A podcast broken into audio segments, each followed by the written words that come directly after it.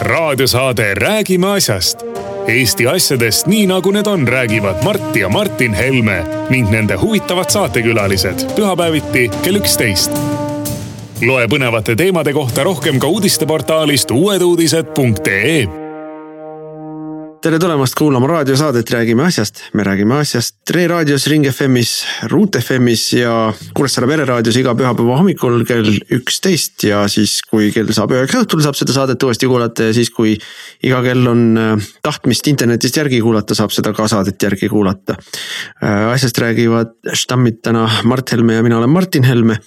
võtame kokku nädala sündmused ja analüüsime ja sünteesime neid läbi konservatiivide vaatepunkti ning eh, mis meil siis täna plaanis on, me räägime väljumisstrateegiast, mille valitsus sel nädalal avaldas.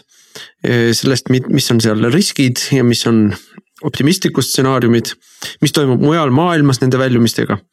räägime aina rohkem meedia üritab valitsuse sees tekitada siis nii-öelda suurt tüli ehk rääkida sellest, kuidas meil on mingi põhimõtteline erimeelsus kärpe ja, ja säästmise osas meie, minu ja, ja või, või meie ja Isamaa vahel.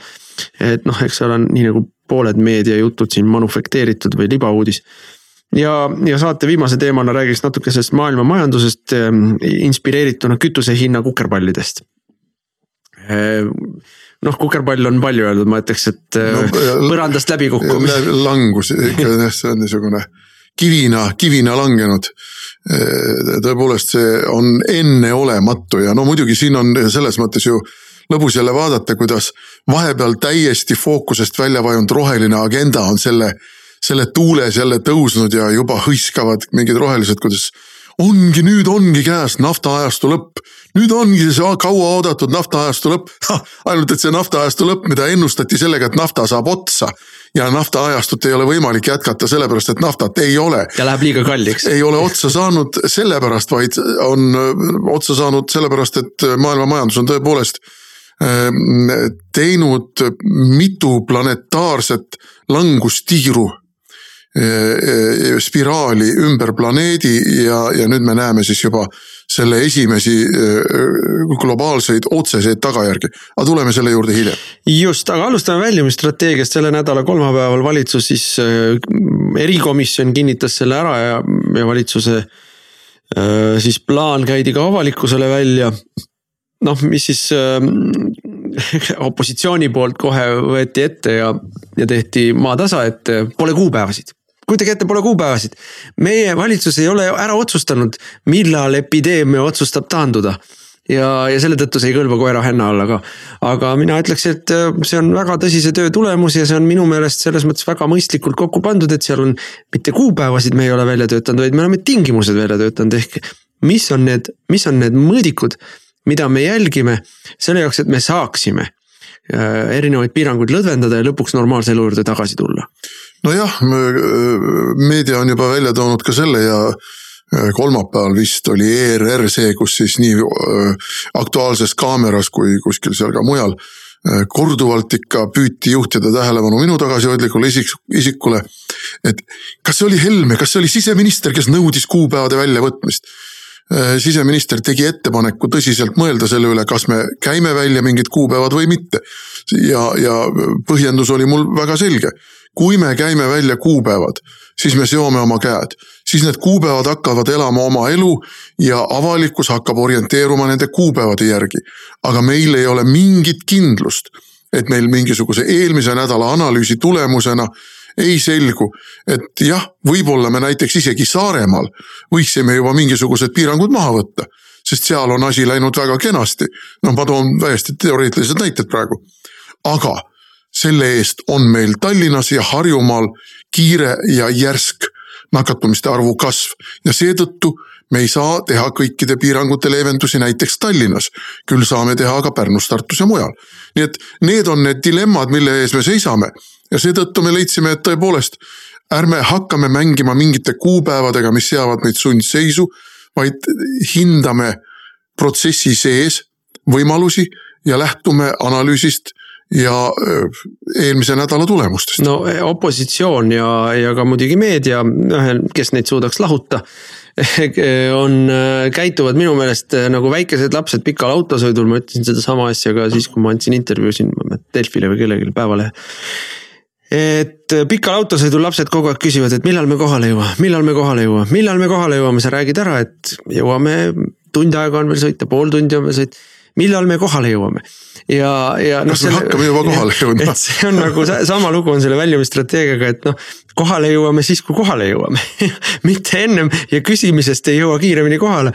Ehm, noh, meie jaoks on alati olnud üks lihtne noh, nihuke põhimõtteline mõõdupuu ja me võime seda ju ütleme tükkideks võtta, aga see põhimõtteline mõõdupuu on see, et haiguspuhang on mitte ainult kontrolli alla saadud, vaid ka languses. ja tõepoolest, haiguspuhang on Eestis kontrolli alla saadud ja siinjuures ma tahan jälle tänada kõiki Eesti inimesi, kes on omalt poolt väga pingutanud selleks ja väga distsiplineeritult ja eeskujulikult käitunud, et seda sotsiaalset distantseerumist hoida ja haiguspuhang täpselt nii, nagu me ennustasime, saavutas aprilli keskpaiku oma lae ja on hakanud alla tulema ning äh, ma küsisin ka nendelt teadlastelt, kes meile neid mudeleid teevad, et kui palju on meil see nakatumiskordaja.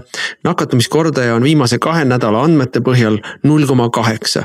see tähendab, et iga haige nakatab vähem kui ühte inimest ja ma küsisin, et mis siis äh, selle kordaja äh, stabiilsel jätkumisel millal me jõuame selleni, et nulli jõuame, et keegi ei nakata enam kedagi. statistiline null. nojah, et kõik on terveks saanud ja rohkem ei ole enam nakatunud.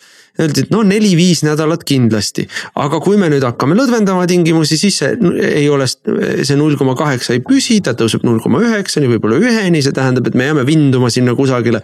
kolmesaja inimese peale, võib-olla neljasaja inimese peale, sellega saab meditsiinisüsteem hakkama, plahvatuslikku kasvu ei ole.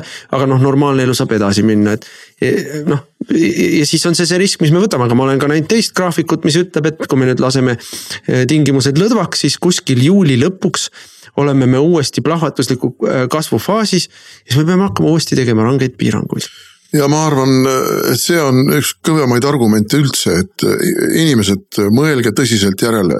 ilm on tõesti ilus, päike paistab ja kevad on väljas ja, ja tahaks hirmsasti, et kogu see õudus lõpeks aga kui me selle õuduse lõpetame ühe ropsuga, siis me oleme lõputus õuduses ja see tähendab seda, et meil iga paari kuu tagant on eh, sellised haiguse plahvatuslikud uued laienemislained me peame uuesti kehtestama karantiine. jõuame jälle sellesse olukorda, kus umbes kuu-pooleteisega on inimesed kohutavalt tüdinud, aga kolded on kontrolli all. ja siis on jälle nõudmine, et aga nüüd on küll aeg ja no kaua me seda kõike kannatame ja siis on paari kuu pärast uuesti sama lugu ja me jäämegi nagu joodik tsüklist tsüklisse tuigerdama. no ja kui me küsime, et mismoodi see majandusele mõjub, siis noh, majandusele mõjub see kindlasti Täiesti palju rängemini kui näiteks see, et me veel paar nädalat praegu kannatame. täiesti katastroofiliselt, sest praegu meil on ikkagi needsamad töötukassa reservid, haigekassa reservid, muud reservid kõik need laenud, Euroopa Liidu abipaketid ja nii edasi ja nii edasi, mis kumuleeruvad, mis ei ole kõik meieni jõudnud. ei laenurahad ega eurorahad ega muud rahad, see kõik kumuleerub. meil praegu on see finantspuhver olemas. selle finantspuhvriga me elame ilusti, kenasti sügiseni. sügisel, kui meil ei ole enam sellist äh, haiguskordajat, ta on võib-olla kukkunud kuskil null koma viie, null koma kuue peale koguni siis me saame tegelikult oma majanduse käivitada üsna normaalsetes rööbastes ja olenevalt loomulikult välisnõudlusest. aga välisnõudlusest räägime saate lõpupoole, see on omaette peavalu teema. Kui me teeme teatud ümberkujundused, valitsus võtab vastu teatud otsused siseriikliku majanduse mõnevõrra teistele rööbastele suunamise osas me saame suhteliselt stabiilse olukorra saavutame. aga kui me liiga ennatlikult kõiki oma samme astume, siis ma ütlen, et meil hakkab see tsükliliselt korduma noh, siin on hästi palju jälle selliseid tundmatuid muutujaid, mille kohta meil täna on väga raske ka öelda, et kas siis, mis, mis siis tuleb. räägitakse sellest, et juba mõne kuu pärast on võimalik vaktsiini äh, näha. teised jälle ütlevad, et ennem järgmist aastat vaktsiinist ärge unistage. räägitakse sellest, et on olemas juba praegu katsetatakse ja tehakse ravimeid, mis on põhimõtteliselt siis, kui varajases faasis neid ravimeid kasutada, siis see haigus ei muutu selle, ei, ei liigu edasi sellesse ränka faasi, kus juba vaja on haiglaravi või intensiivravi. et ähm, kuna haigus on, ütleme ütleme siis, ütleme siis lääneriikides äh, möllanud praeguseks võib kaks, maksimaalselt kolm kuud. noh, ütleme veebruarist saadik, ütleme veebruar, märts, aprill, et äh, siis, äh, siis vähe on infot selle kohta, millised ravimid, kus on olnud tõhusad ja, ja vaktsiini kohta ka ei ole tegelikult veel ju mitte mingit infot, millesse ma usun tõepoolest, on see, et Ameerika meditsiinisüsteem, mis on ülivõimas. mis on nagunii kogu muust maailmast kümme aastat vähemalt ees, oma tehniliselt tasemelt, oma uuringute tasemelt ja oma sellest nii-öelda sügavusmahust. Neid teadlasi, kes on võimelised seal spetsialiseeruma, kellel on maailma tipptasemel laborid taga ja nii edasi, nii edasi, tohutu hulk uuringuid, eeluuringuid taga noh, Ameerikas, võib-olla Saksamaal, võib-olla Inglismaal, võib-olla veel mõnes sellises äh, suuremas lääneriigis äh, on. Äh, ja, ja, ja sealt, seal ma arvan, praegu toimub noh, sellise intensiivsusega uurimistöö, mida noh, me isegi ei kujuta ette. aga praegu veel meil midagi ei ole ja noh, see, see, see on täiesti noh, jokkerikaart, kas tuleb ka või ei tule ja millal tuleb, kui ei tule. et noh, meie jaoks ikkagi on kogu selle väljumisstrateegia üks oluline punkt on ikkagi jätkuvalt väga tõhus piirikontroll. aasta kaks tuhat kakskümmend, me peame üle elama eh, nii, nagu me oskame, nii nagu me suudame ette näha, nii nagu meie analüüsid ja meie eh, arengumudelid meid suunavad ja, ja see on see reaalsus, milles me elame. see reaalsus ei ole soovmõtlemine ega poliitiline ärapanemine äh, nagu meil Eestis ka ajakirjandus, noh nagu ma ütlesin ka neljapäeval valitsuse pressikonverentsil, kutsudes üles ajakirjandust vastutustundlikkusele äh, kõige, äh, mitte ainult koroonaga, vaid üldse kogu olukorra kajastamisega. et ärge laskuge madalate ideoloogiliste instinktide tasemele noh, ma olen kindel, et nad teevad seda muidugi. Pole olnud juhust, et ei teeks. aga, aga, aga noh, tegelikult see, mida me näeme praegu opositsiooni poolt ja ka ajakirjanduse poolt on just nimelt madalate poliitiliste instinktide tasemel ärapanemine. ja no mina võrdleks seda ka lastega ja noh, see on umbes niimoodi nagu, nagu valitsus praegu kuskil liivarannas ehitab liivast ilusad lossid ja, ja ringmüürid ja asjad, ehib neid pilliroo, pilliroo lippude ja asjadega.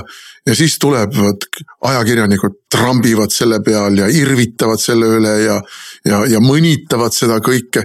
noh, ja siis tuleb valitsus uuesti ja hakkab uuesti kõike seda üles ehitama, siis tuleb uuesti ajakirjandus irvitades ja halvustades ja, ja, ja, ja noh, mida kõike öeldes nende ehitajate kohta trambib selle kõik jälle segamini.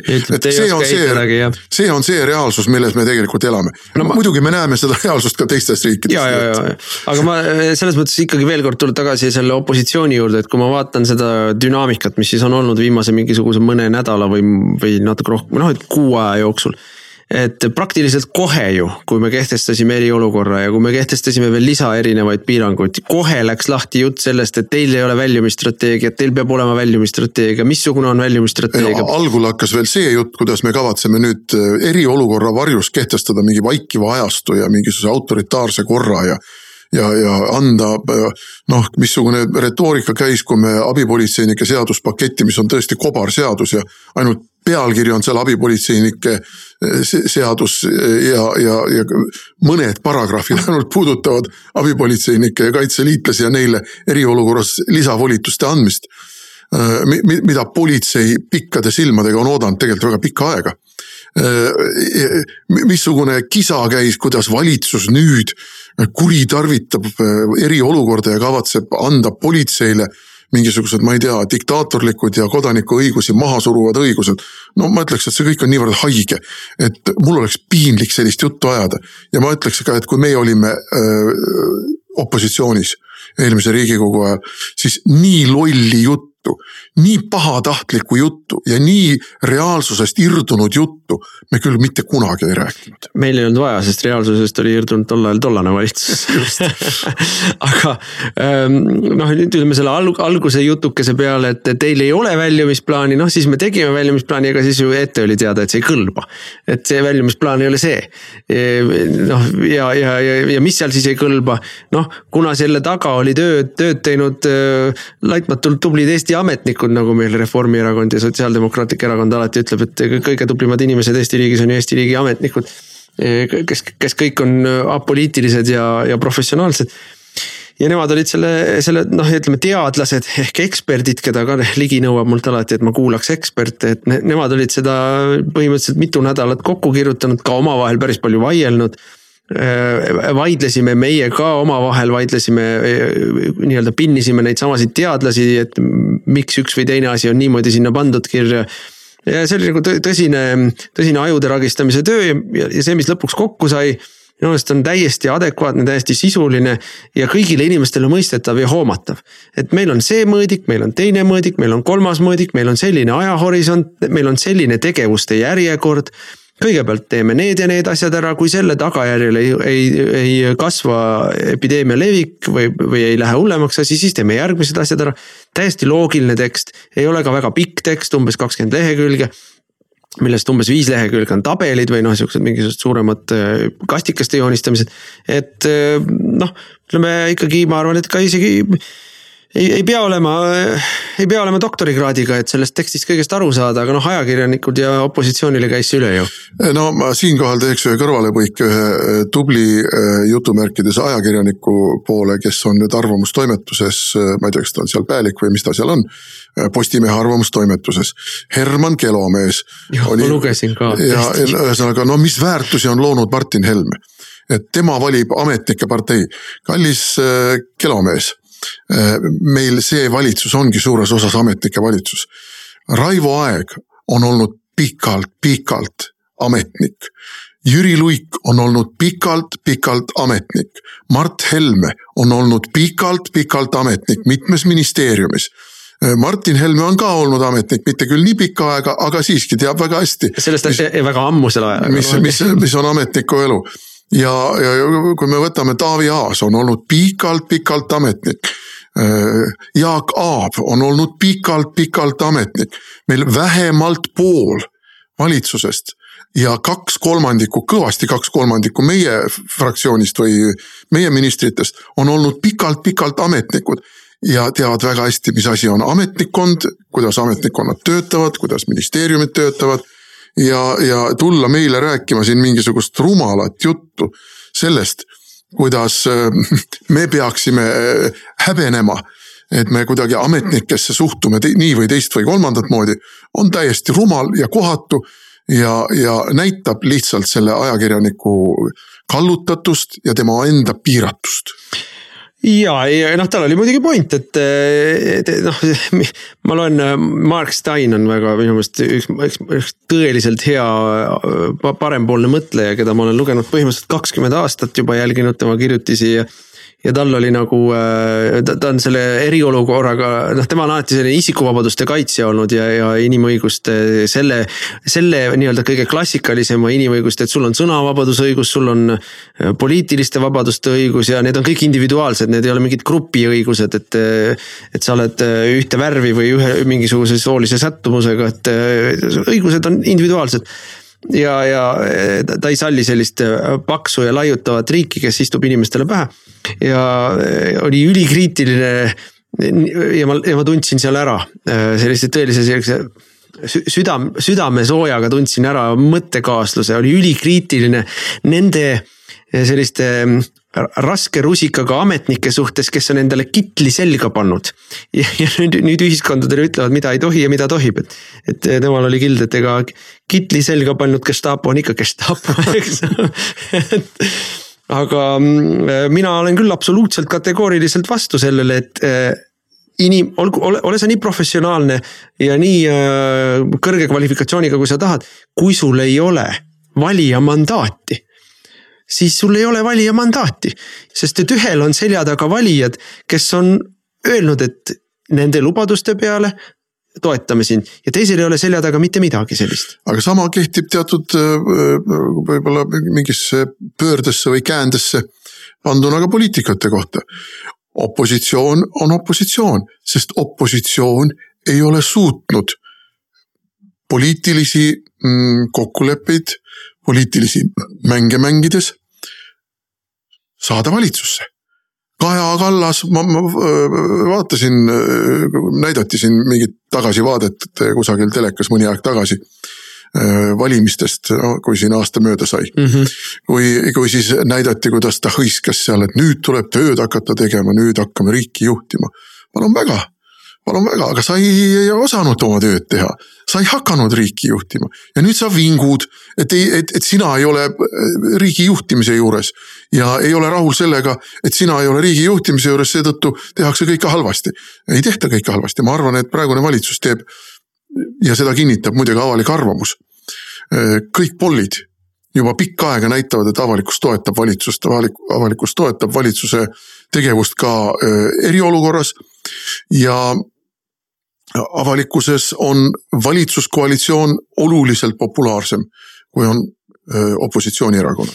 muide, tänane saade läheb eetrisse põhimõtteliselt täpselt aasta pärast valitsuse ametisse astumist, et eelmise aasta kahekümne kuuendal vist andsime ametivande, kahekümne neljandal kirjutas vist Kadriorg alla. kakskümmend üheksa oli meil esimene tööpäev. jah, no enam-vähem täpselt aasta tagasi ja ma arvan, et järgmises saates võime selle tagasivaate pikema teha, et meil mis selle aastaga siis on olnud ja, ja mida me oleme oma meelest saavutanud ja mis on, mis on see vahekokkuvõte, aga ma tahtsin selle väljumise teema lõpetamiseks öelda, et väljumisstrateegia puhul meile väga palju kirjutatakse ette või noh, väga palju nii-öelda tuuakse näiteid sellest, mida välismaal tehakse, oi vaadake Austria nii ja Taani naa ja. tahaksin öelda, et minu meelest valedele asjadele keskendutakse, punkt üks, nagu me oleme siin ka öelnud, et teistes riikides olid kohati piirangud palju karmimad kui Eestis, me ei ole kunagi olnud nii rang. näiteks noh, küsitakse, et millal inimesed kodust väljas vabandust, inimesed ei ole kunagi kodus kinni olnud. välja arvatud need, kes on karantiinis. jah, neid on Eestis, oli tipphetkel kuskil poolteist tuhat, natuke rohkem. võib-olla pisut paari rohkem, paari tuhande ringis jah. ja, ja ülejäänute puhul kehtib lihtsalt kaks pluss kaks, et sa võid kodust välja minna, aga sa ei tohi suures seltskonnas olla. aga, aga millest ei räägita teiste riikide puhul, on need kirstude virnad, on need laibavirnad, mis on igal pool ikkagi õõvastavalt suured. kui me vaatame Hispaaniasse, Inglismaale, Itaaliasse, Rootsi. Rootsi ju noh, kogu baaskonsensusel oleva vasakpoolne liberaalne meedia noh, põhimõtteliselt järjekindlalt ja meeleheitlikult ja noh, totaalselt väänates tõde ju jätkuvalt ilustab seda, mis Rootsis toimub. meile ju maalitakse Rootsist täiesti väärastunud pilt Rootsis on asi täiesti kontrolli alt väljas. isegi koroonaviirus on rassistlik, sest et äh, Ameerika Ühendriikides musti sureb rohkem kui valgeid. ja Rootsis muide, Rootsis immigrantide linnaosades on suremus palju kõrgem kui mujal sellepärast, et äh, ütleme siis kultuur on teistsugune, kultuur on lähedasem, äh, seal elavad ei, inimesed ninapidi koos. kui ma oleks vasakliberaal, siis ma ütleks, et ka viirus on rassistlik. nii, et, et noh, see, mida, mida meile ei näidata, minu meelest on ka üks osa sellest, et meil meedia on ikkagi noh, süstemaatiliselt libauudiseid tootev, et tegelikult meil Eesti pääses sellest, meil oli korra see hirm kõigil sees, et ka meil läheb nii, nagu läks, käis nagu näha oli, et läks Itaalias ja, ja, ja Hispaanias. meie pääsesime sellest, sest me õigel ajal tegutsesime, tegime õiged meetmed. Need meetmed on olnud tõhusad just selle tõttu, et inimesed on ka neist kinni pidanud ja me kõigest sellest pääsesime, aga terve rida riike ei ole pääsenud.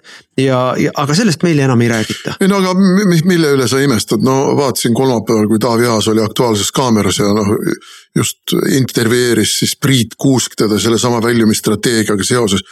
no jumal hoidku, silmad põlevad peas nagu mingisugusel küülikutäkul ja vaata, et läheb kätega kallale Taavi Aasale. no Taavi Aasa auks ja kiituseks tuleb öelda, et ta oli äärmiselt vaoshoitud ja, ja, ja soliidseks.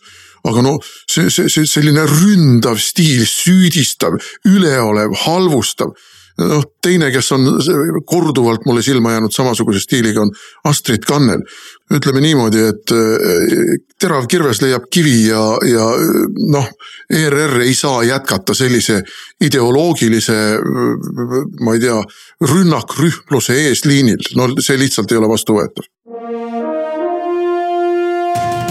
Raadiosaade Räägime asjast. Eesti asjadest nii nagu need on, räägivad Mart ja Martin Helme ning nende huvitavad saatekülalised. pühapäeviti kell üksteist.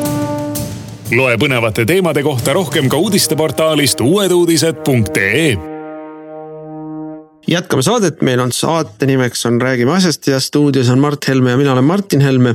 räägime natukene, räägime natuke sisepoliitilisest äh, arutelust, mis käib kärpe ümber, et siin on äh, suures osas minu meelest ka ütleme siis meedia poolt veetuna, aga noh, võib-olla selline üleüldine diskussioon on et äh, meil on nii-öelda head inimesed ja meil on halvad inimesed, head inimesed on need, kes ütlevad, et äh, ka riik peab hakkama kõvasti kärpima, sellepärast et majandus langeb ja tulud langevad ja ei saa olla niimoodi, et riik laiutab olukorras, kus erasektor kokku tõmbab ja siis on halvad inimesed, kes ütlevad, et kallid sõbrad kui riik praegu läheb siin suuremahuliselt ähm, kulutusi kärpima, siis me majanduslangust süvendame, muuhulgas teeme elu oluliselt raskemaks sellel samal niigi raskestes oleval erasektoril ja. aga mitte ja... ainult erasektoritel, äh, ka töö kaotanud inimestel, kes praegu saavad taotleda ja kes, kellele me teeme teatud soodustused esimesest kolmanda haiguspäeva puhul ja nii edasi ja nii edasi.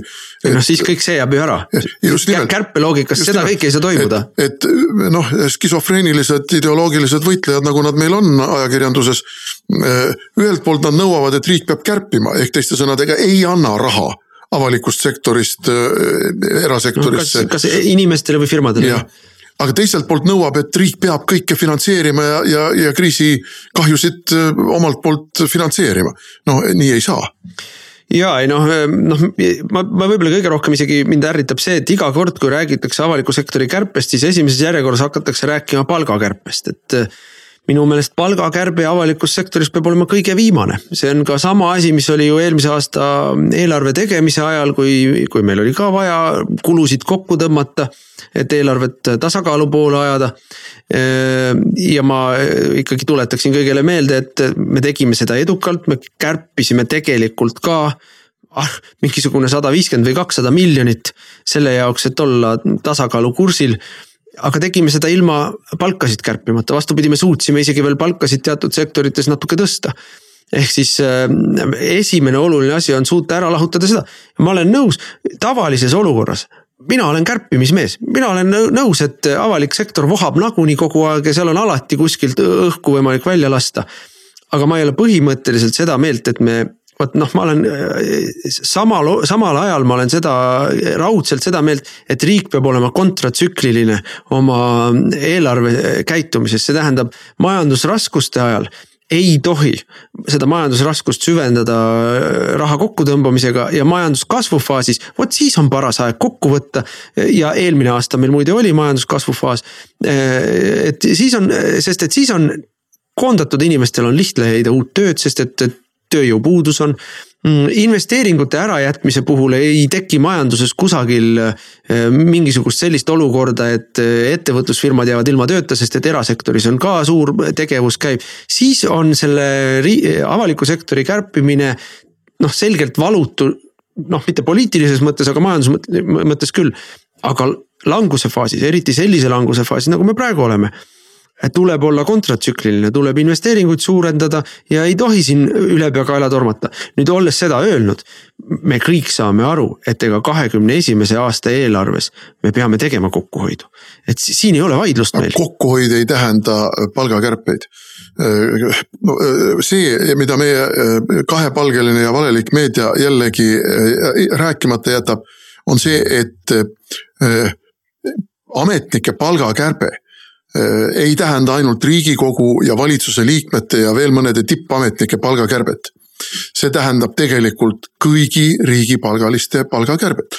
aga mina olen siseministeeriumi kõikide ametite juhtidele ja, ja ka niivõrd, kuivõrd see on nüüd jõudnud allapoole, töötajatele öelnud, et mina seisan viimaseni selle vastu, et politseinike, päästjate, häirekeskuse töötajate ja nii edasi ja nii edasi palkasid kärbitakse.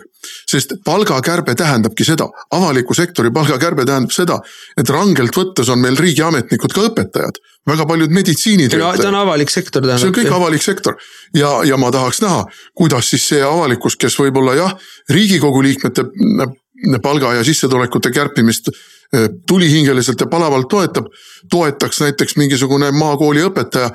no ma küll ei arva, et ta iseenda palgakärbet toetab. ei no ma noh, lihtsalt toon, on, ongi vaja aru saada, et meil on olemas äh, hästi selge vahe, meil on olemas nii-öelda riigiametnikud keda meil on siin, ma ei tea, kakskümmend seitse, kaheksa tuhat inimest umbes. ministeeriumid ja ametiasutused ja siis on meil avalik sektor. sellesse avalikku sektorisse kuuluvad politseinikud, päästjad, õpetajad, arstid, sõjaväelased, kuuluvad äh, terve rida selliseid ameteid, noh, mida me äh, kõrg, kõrgharidus kõik on seal, eks ole ja kui ja, või, või muuseumid või teatrid, eks ole, kõik see on avalik sektor, tegelikult kõik see on avalik sektor. ja kui me siis nüüd nagu äh, läheksime nende palkade kallale, siis see oleks väga suur osa Eesti ja see ja neid inimesi ei ole enam mitte kakskümmend seitse või kaheksa tuhat. Neid inimesi on, ma arvan, et siin suurusjärgus äh, mitusada tuhat ja, ja see ja see ja selles ja selles loogikas ütelda, et me peaaegu pool Eesti töötajaskonnast äh, siis äh, noh, toome, vähendame nendel palkasid, põhimõtteliselt jah, me võime seda teha, kui meil on majanduslik see olukord annaks selline. majanduslikku ja finantsilist efekti. Ja riigieelarve mõttes on see kindlasti kõige suurem sääst, sest see on väga suur riigieelarve riigikogu palgakärbe sisuliselt mingit majanduslikku efekti ei anna. jah, absoluutselt riigikogu palgakärbet ei saa ka teha moraalse üldse. efekti võib-olla jah, solidaarsuse ja nii edasi, aga majanduslik efekt on praktiliselt null. jah, pluss sellele tuleb arvestada juurde, et riigikogulaste palka ei saa langetada muidu kui ainult järgmisele koosseisule. et seda ei olegi võimalik teha, aga. noh, selles mina ei taha kaitsta siin äh, mingisuguseid riigikogu ega valitsuse liikmete palkasid. Mina ei ole kunagi palka juurde nõudnud, mina ei, olen täiesti rahul sellega, mis ma saan. kui ma saaks vähem, oleks ka rahul, saaks rohkem, oleks ka rahul. ma ei kauple siin, ma ei sae siin ühtegi senti. aga äh, see, äh, missuguse jesuiitliku kahepalgelisusega seda teemat kajastab meil opositsioon ja ka eelkõige ajakirjandus, mind ärritab see no ja mind ärritab see, et ei saada aru sellest põhimõttelisest majanduslikust argumendist, et sellest vastutsüklilisuse põhimõttelisest majanduslikust argumendist, et kui me. kui me tõmbame kokku riiklikud investeeringud, tõmbame kokku riiklikud äh, palgad siis see kahandab majandust mitme protsendipunkti võrra, mis tähendab seda, et kahandab maksulaekumisi mitmesaja miljoni võrra. ja, ja, ja noh, see on selline, see on, see on, see on nii läbi nämmutatud, nii ilmekalt läbi käinud äh, praktika, mida me nägime eelmise kriisi ajal nii Eestis kui Euroopas. et äh, noh, ainus, millega ma olen täiesti nõus, on see, et, et äh, kui sul äh, nii-öelda langused, languse ajal sa ei tee neid kärpeid. ja sel ajal on olemas nagu hea põhjus ja hea surve selle jaoks või tugev surve selle jaoks. et siis nii-öelda headel aegadel ka keegi neid kärpeid ei tee, aga Eestis me tõestasime vastupidist. me tegime eelmisel aastal headel aegadel kärpeid, ma olin üks neist tegijatest. me tegime neid niimoodi, et see ei teinud tegelikult inimestele väga suurt haiget. aga me hoidsime kokku väga suured summad riigieelarvest, sest lihtsalt leidsime neid kärpekohti ja, ja, ja No minul ei ole nagu selles mõttes mingisugust äh, noh, kahtlust öelda, et ma olen võimeline seda tegema jälle, kui majandus kasvama hakkab. siis võtame need kulud ette ja, ja niikuinii on need kulud vaja ette võtta järgmise aasta eelarvega, sest et. Et noh, mingeid kokkuhoiukohti me peame leidma, ma olen juba selle aasta eelarvesse andnud rahandusministeeriumi korralduse otsida ülesse need rahad, mida ei kulutata. ja me oleme tuvastanud umbes suurusjärgus kakskümmend viis miljonit eurot, mida eelarves on, on, on, on noh ette nähtud kulutuste tegemiseks, aga mida tegelikult kulutada ei saa, sest eriolukorras ei toimunud lähetusi, ei toimunud koolitusi, ei toimunud mingisuguseid erinevaid suuri sündmusi, eks ole. Ja, ja, ja tuleb ka raha kokku, et kärpida on võimalik küll, ega see ei ole midagi võimatut. ei noh, kärbe ei tähenda palgakärbet, meil ongi millegipärast selline loogika kujunenud siin välja juba reformierakondlike valitsuste ajal, et tuleb inimeste rahakoti kallale minna.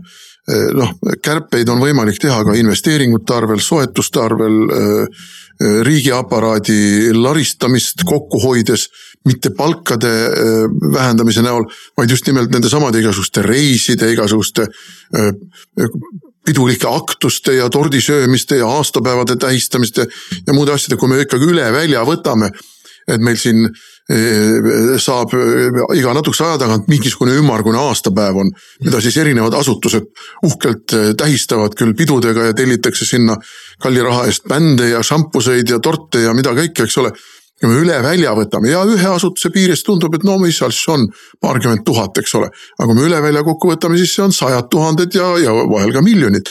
nii et kärpeid on võimalik teha väga mitmel moel. no ja üks viis, millega arvelt saab kärpeid teha, mis minu meelest praeguse nii-öelda kaugtöö puhul te tegemise käigus on, on nagu ikkagi väga ilmekalt äh, selgunud on see, et äh, me ei pea mitte palka kärpima, vaid palgasaajaid äh, võib vähemaks teha. et äh, see muidugi on jälle väga põhimõtteline küsimus, et kas me suurenenud tööpuuduse ajastul hakkame avalikus sektorit tegema suuri koondamisi aga põhimõtteliselt ei saa ju keegi kindlasti vastu väita sellele, et ka avalikus sektoris on, on võimalik vähemate inimestega sama tööd ära teha. et ka, ka see on võimalik ära teha, aga küsimus selles, kas see on majanduslanguse ajal mõistlik ja õige teha. Äh, mina sellele küll nii üheselt jaatavalt ei saa vastata no minu meelest see kriis praegu näitab seda, et üleüldse terves Eestis, mitte ainult riigisektoris ja mitte ainult valitsuses ei pea pead murdma selle üle, kuidas, kuidas kõike ökonoomsemaks muuta, vaid ka erasektoris, kui meil siin mingisugused eh, masinaehitusettevõtted räägivad, kuidas nüüd on täitsa lõpp käes, sellepärast et neil ei tule Ukrainast enam keevitajaid. keevitaja väljaõpetamine võtab kolm kuud aega, vähemalt kolm kuud, kolm kuni kuus kuud aega. kallid sõbrad, aga teil on olnud aastakümneid aega neid keevitajaid välja õpetada, mitte kolm kuud ega mitte kuus kuud, vaid aastakümneid. miks te ei ole koolitanud neid Eestis välja? ah, et ei ole kuskilt võtta. no kui te korralikku palka maksate korralikud sotsiaalsed tagatised annate, võib-olla kindlustate ka elamispinnaga, võib-olla teete veel mingeid soodustusi. no ma olen täiesti kindel, et neid inimesi, kes praegu Eestis elavad, on võimalik nende hulgast leida see mõnisada või mõni tuhat inimest, kes teie probleemid lahendavad. nojah, me jõuame siia selle väljumisstrateegia teema juurde tagasi, et kõige viimane asi kogu selles väljumisstrateegias on ikkagi piirikontrolli kadumine see on kõige viimane asi üldse ja ka sellisel ja ka selle piirikontrolli puhul on seal, äh, toimub see vähemalt kolmes erinevas etapis. kõigepealt äh, nii-öelda regionaalselt ehk läheduses olevad riigid, kellel on samuti äh, viirus kontrolli all. no me räägime siin näiteks Lätiga, Lätis on algusest saadik, kuna neil ei käinud võrkpallivõistkonda Milanost, siis Lätis on oluliselt äh, vähem nakatumisi Mm, ja, ja Läti on selles mõttes pääsenud paremini. kui, kui see toimib, siis tasapisi ja ka etapiviisiliselt ja mitte kõigile korraga Euroopa Liidu sees ilmselt. kusjuures ma veel kord ütlen, et ma ei näe küll varianti, et me niipea Rootsiga piiri lahti saame või ütleme, Rootsi vahet liiklemist teeme niimoodi, et sealt ilma karantiinita saab tulla. ja, ja, ja alles siis kolmandas etapis, võib-olla neljandas etapis räägime ülejäänud maailma äh, suhtes siis äh, nende piirangute lõdvendamisest äh, ja karantiininõude ärakaotamisest. et neid ukrainlasi ei tule niipea ega veel niipea ei hakkagi tulema. ei no ja kindlasti ma seisan siseministrina hea selle eest, et neid siia võimalikult vähe tuleks, et me ikkagi oma inimestele. meil on praegu mm, juba peaaegu viiskümmend tuhat töötut. ma arvan, et nädala, järgmise nädala alguseks saab meil viiskümmend tuhat töötut täis. ja kui me nüüd saate viimases osas räägime maailmamajanduses, siis maailmamajanduse prognoosid näitavad ikkagi seda, et, et see allakäiguspiraal vähemalt aastal kaks tuhat kakskümmend süveneb. mis tähendab seda, et ka meil tuleb arvestada tööpuuduse kasvuga ja sellega, et igast töö otsast tuleb ühel hetkel kinni haarata, sest ka riiklikud meetmed, toetusmeetmed lõpevad ära. suures osas, mitte kõik, aga suures osas lõpevad ära. ja noh, on kaks varianti, kas eh, elada närult, aga sant ka elab, ehkki mis elu see on. või tuleb leida mingi tööots, sellest kinni haarata ja seda teha ja no ma arvan, et Eesti majandus selles mõttes on väga dünaamiline ja üldiselt võimeline küllaltki, ähm, küllaltki edukalt äh, kohanema muutunud tingimustega. see, mida me ju kõikide oma meetmetega oleme üritanud teha siin viimased kuu aega ja, ja, ja, ja kõiki neid nii-öelda. KredExi ja MES-i ja EAS-i ja muid asju ja Töötukassa asju on see, et see kohanemine peab olema, see kohanemine peab peab saama toimuda, aga ta ei toimu, kui sul on ettevõtted totaalses šokiseisundis. et selle jaoks, et olla üldse kuidagi võimeline noh võt-, keskenduma ja mõelma, et noh, et mis me siis nüüd teeme, kuidas me teeme. ja, ja, ja kust ma need vahendid võtan, et, et oma tootmist ümber teha või oma turgusid ümber mõelda või, või noh, oma ärimudelit kuidagi kohandada. et selle jaoks pead sa olema nagu noh võimeline selles, seda kuidagigi üldse organiseeruma. Aga, aga noh, siin oli kuu aega tagasi ja, ja noh, jätkuvalt on ettevõtteid, kellel lihtsalt üleöö kukkus igasugune tulu ja igasugune üldse äri ära. nad olid noh, nad olid tegelikult täielikus šokiseisundis ja sellises seisundis ei reprofileeru ükski ettevõte, ei, ei, ei, ei kohane sul majandus või kui see kohanemine toimubki, siis see on nii valus. ja noh, nii suurte selliste, ütleme sotsiaalmajanduslike ohvritega. et, ähm, et noh, me ei saa endale seda lubada, et me peame, me peame andma majandusse nii palju seda õhku juurde, et see, et selle muutunud olud ja need, need olud on suures osas, ega need ei, väga paljud nendest oludest on tegelikult pöördumatult muutunud või see kogu see maailma majandus ongi teistsuguseks kujunemas. ja et nendes, et nendes muutunud oludes äh, kuidagigi toime tulla, peavad olema eh, noh, inimesed sellega kuidagi ka vaimselt leppinud. ja veel kuu aega tagasi ei olnud, ei olnud võimelised et, et selle jaoks me neid meetmeid ju teemegi, et ega me ei arva, et meil on võimalik lihtsalt ütleme raha peale valada lõputult ja öelda, et aga nüüd saab eriolukord läbi ja minge tagasi e, e, senise elu juurde, see. see, see, me kõik saame aru, et nii ei toimi ju jah, noh, seda võib võrrelda mingil määral sellega, kui inimene kohutavalt ehmatab, saab mingi šoki ja, ja siis talle pakutakse rahustamiseks suhkruvett, nagu vanasti oli kombeks, et noh, suhkur siis kuidagi seda äh, lahustub organismis, annab sellise äh, energiapuhangu, adrenaliini lööb üles korraks et äh, need abipaketid on ka nagu see suhkruvesi. ega inimene selle suhkruvee peal elada ei saa ja ei saa ka majandus selle, nende abipakettide peal elada, aga teatud šoki leevenduse ja, ja noh, niimoodi uuesti olukorra kaine hindamise juurde tagasitulekuks ta annab teatud võimaluse. ja, ja, ja noh seda, seda me siin, sellega me siin tegeleme. aga selge on see, et, et noh, ma ei kujuta ette, mis saab meie turismisektorist. sellisel kujul nagu meil siin käisid need kruiisilaevad, kruiisilaevad ei hakka siia tulema vähemalt mitte ettenähtavas tulevikus. mis tähendab seda, et Tallinna vanalinn, Tallinna kesklinn jääb ilma miljonitest inimestest, kes istusid ja õlut jõid. Võib-olla sõid ka seal midagi, mingit suveniirikest ostsid, niisama ringi tuiasid. kruiisiturist kusjuures tõi vähe raha. siis ütleme, soomlane oli see, kes raha tõi ikka. Aga... soomlane ja rootslane ja sakslane. aga ei tule ka soomlane ja esialgu isegi kui karantiini tingimused maha võetakse ja piirid lahti lähevad, on inimesed liikumises väga ettevaatlikud.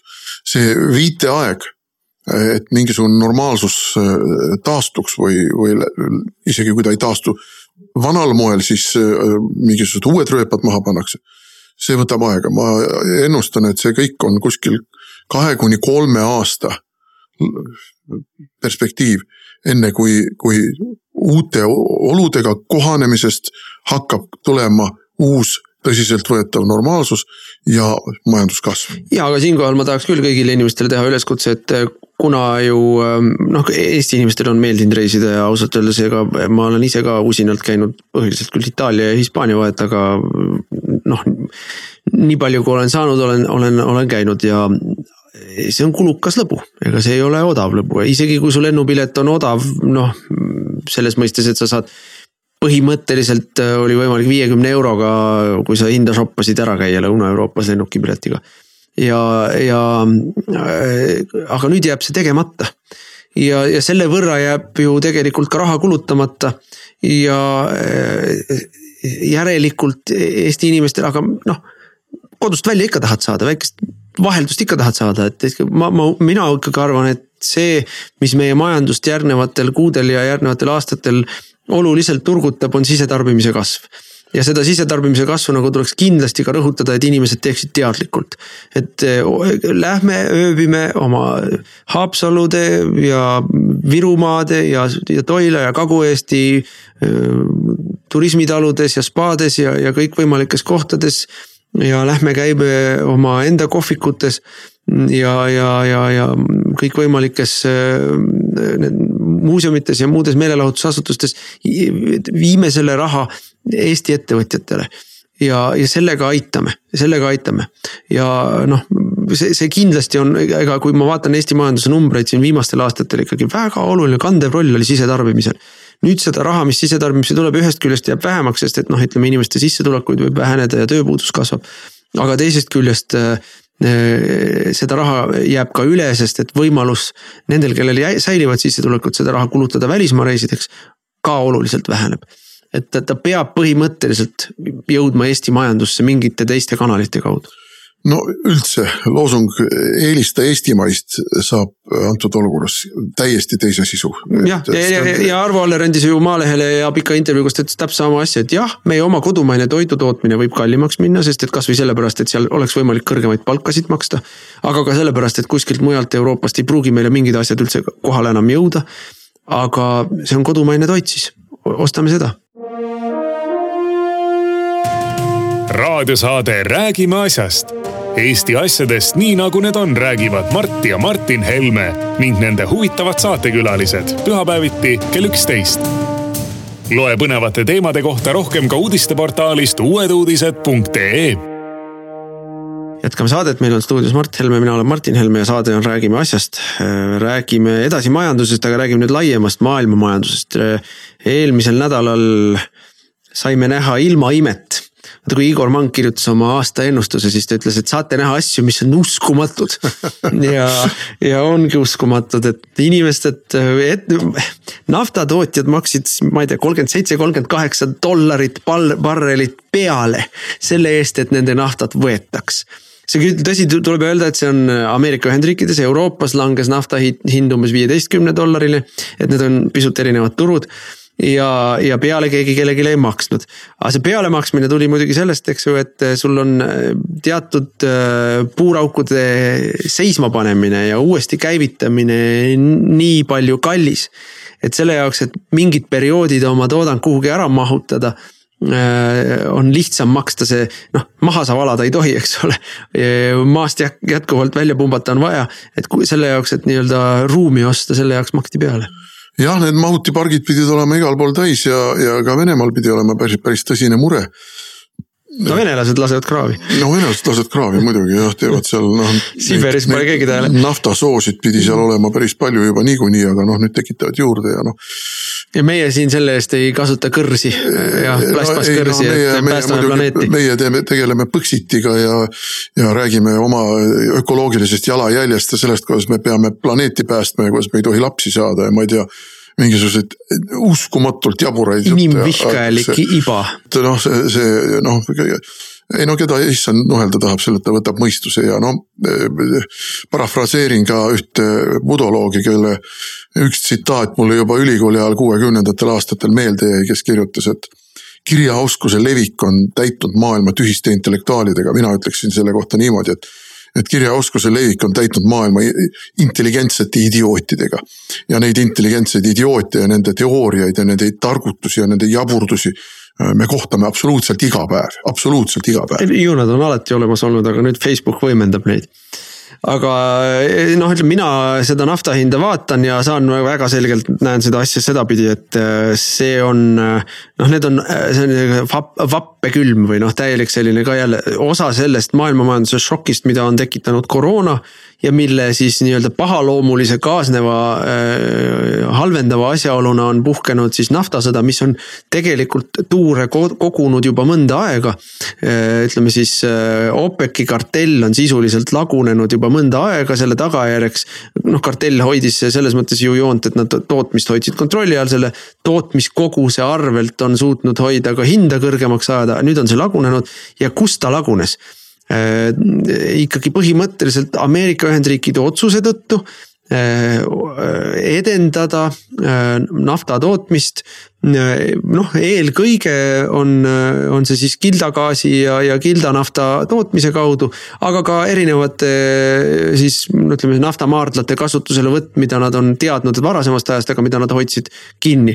ja selle tootmisega on siis löödud kogu see kartell uppi, nad on võimelised täielikult iseennast ära varustama ja nad on võimelised maailmaturule ekspordiks pakkuma seda. aga noh, põhimõtteliselt ma ei imesta, kui ameeriklased paiskavadki praegu oma läbi põranda kukkunud nafta maailmaturule ei no Trump ostis ju kõik äh, strateegilised reservid kõrini täis, noh olukorras, kus sulle makstakse peale selle eest, et sa lood omale strateegilist reservi, see on väga mõistlik, ma ütleks, Trump on ärimees. sest jah, muidugi, sellepärast et äh, antud tingimustes on see neil hiilgav võimalus lihtsalt turgusid üle võtta no ütleme selle, äh, tegelikult selle nafta hinna miinusesse kukkumise kõige suuremad ja esimesed ohvrid on olnud just nimelt Ameerikas endas, need, sest seal on väga, väga konkurentsitihe. Äh, siis ütleme ja üldse mitte suured firmad ei ole.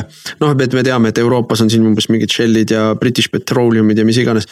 aga Ameerikas on väga palju siukseid keskmise suurusega või väiksemaid ettevõtteid ja puurtorne ja kes, kes noh, sellise nii-öelda pressivad hinda väga agressiivselt alla ja teatud nii kui, aga on selles mõttes väga dünaamilised, et kui hind teatud piirist ülespoole tõusevad, siis on kohe võimelised hakka, hakkama tootma.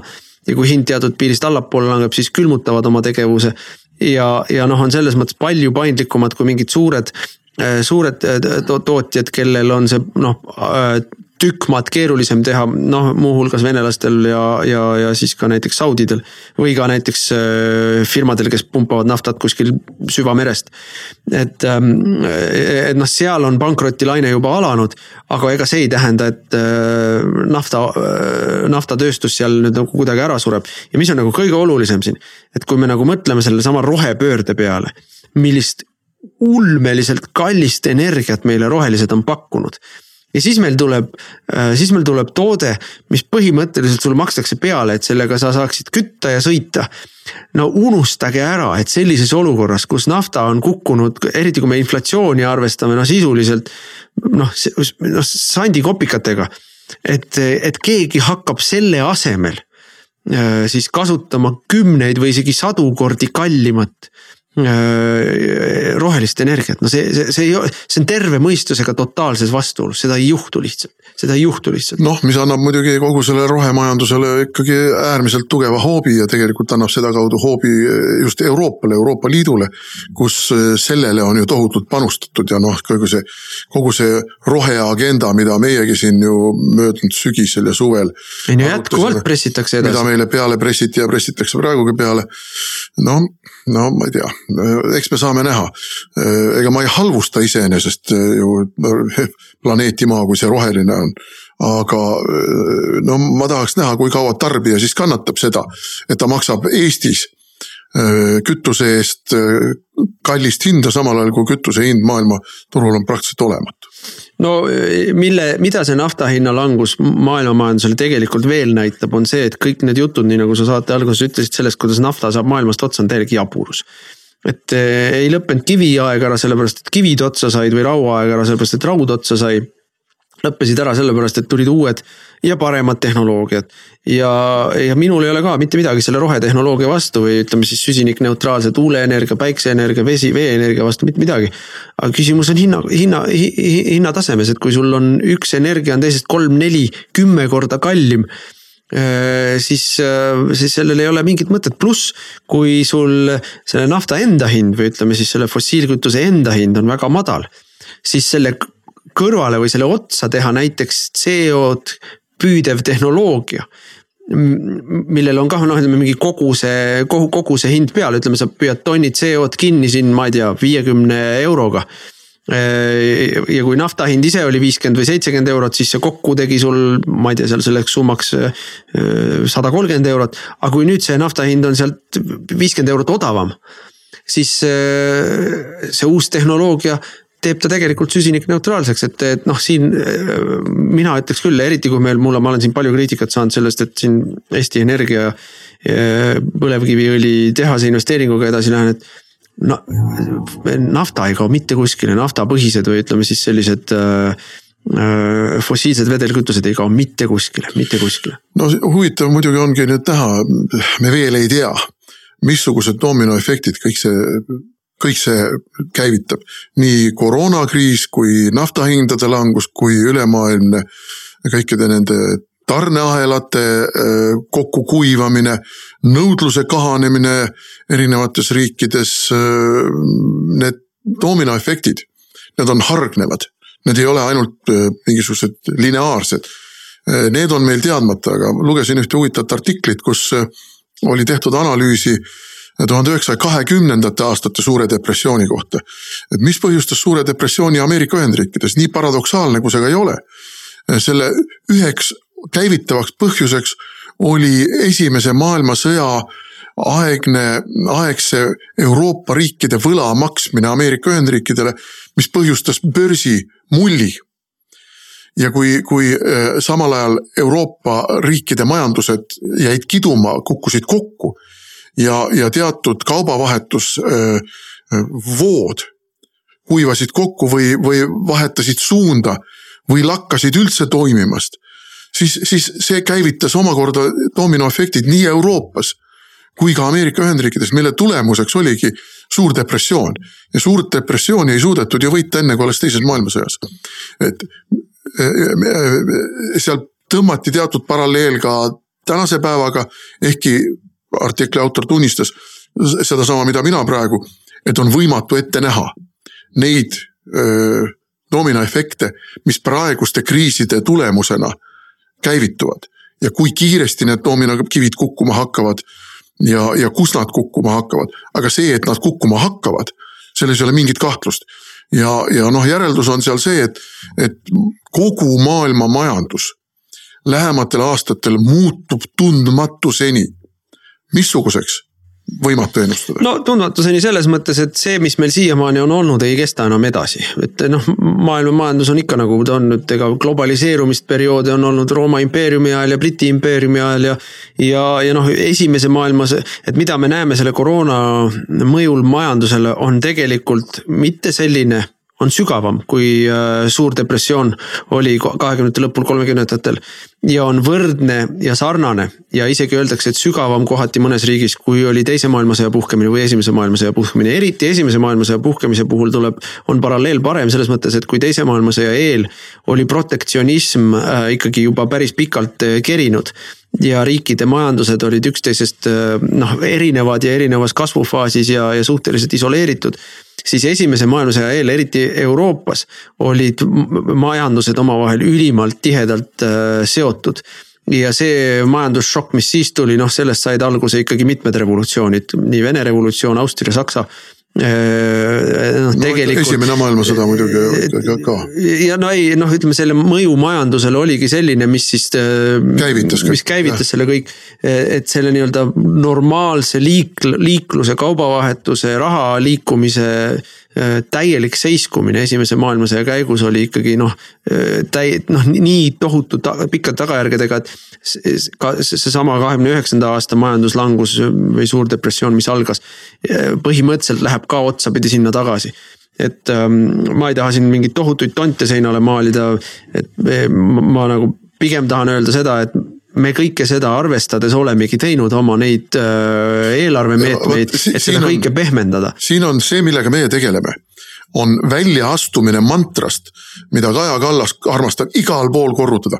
Eesti on väike ja avatud majandus, Eesti on väike ja avatud majandus, jah, Eesti on väike majandus, aga võib-olla meie majanduse tulevik ei ole mitte avatus enam uues olukorras, vaid pigem sissepoole vaatamine, enesevarustamine, eestimaise, eestimaiste mitte ainult toidu tootmiste, vaid ka tööstuskaupade tootmise, kergetööstuskaupade tootmise ja kõige muu tegemine selles ulatuses, mis rahuldab meie oma vajadusi, sest meil ülejääki polegi õieti kuskile panna. No nii nagu meil on oluline lisaks sellele, et meil on liitlased NATO-s, on meil ülioluline ja esimene sellest eespool on iseseisev Äh, esmane iseseisev kaitsevõime, nii meil peab olema ka esmane iseseisev majandusvõime. et me ei ole ripatsid sellele, et kui Saksamaal midagi juhtub või Rootsis midagi juhtub, siis meie majandus, just nimelt, et selle tagajärjel meie kukume käpuli, et äh, prooviks sellest mudelist natukene äh, endale puhvreid vahele tekitada, et meie enda majandus on võimeline toime tulema ja see tegelikult tähendabki seda, et meil on rohkem tootmisi sees, rohkem siseturule ja seda ja, ja, ja Eesti inimesed tarbivad rohkem siseturult ja, ja ja, ja, me vaesemaks sellest ei jää. igatahes me oleme täis võitlusvaimu ja võitleme, et Eesti püsima jääks ja ilusat kevadet jätku kõigile, sel nädala saade sai läbi, meil on äh, rõõm teiega kohtuda jälle nädala pärast. Te kuulasite raadiosaadet Räägime asjast. saate eest tasus Eesti Konservatiivne Rahvaerakond. järelkuulamine internetis treeraadio.ee ja uueduudised.ee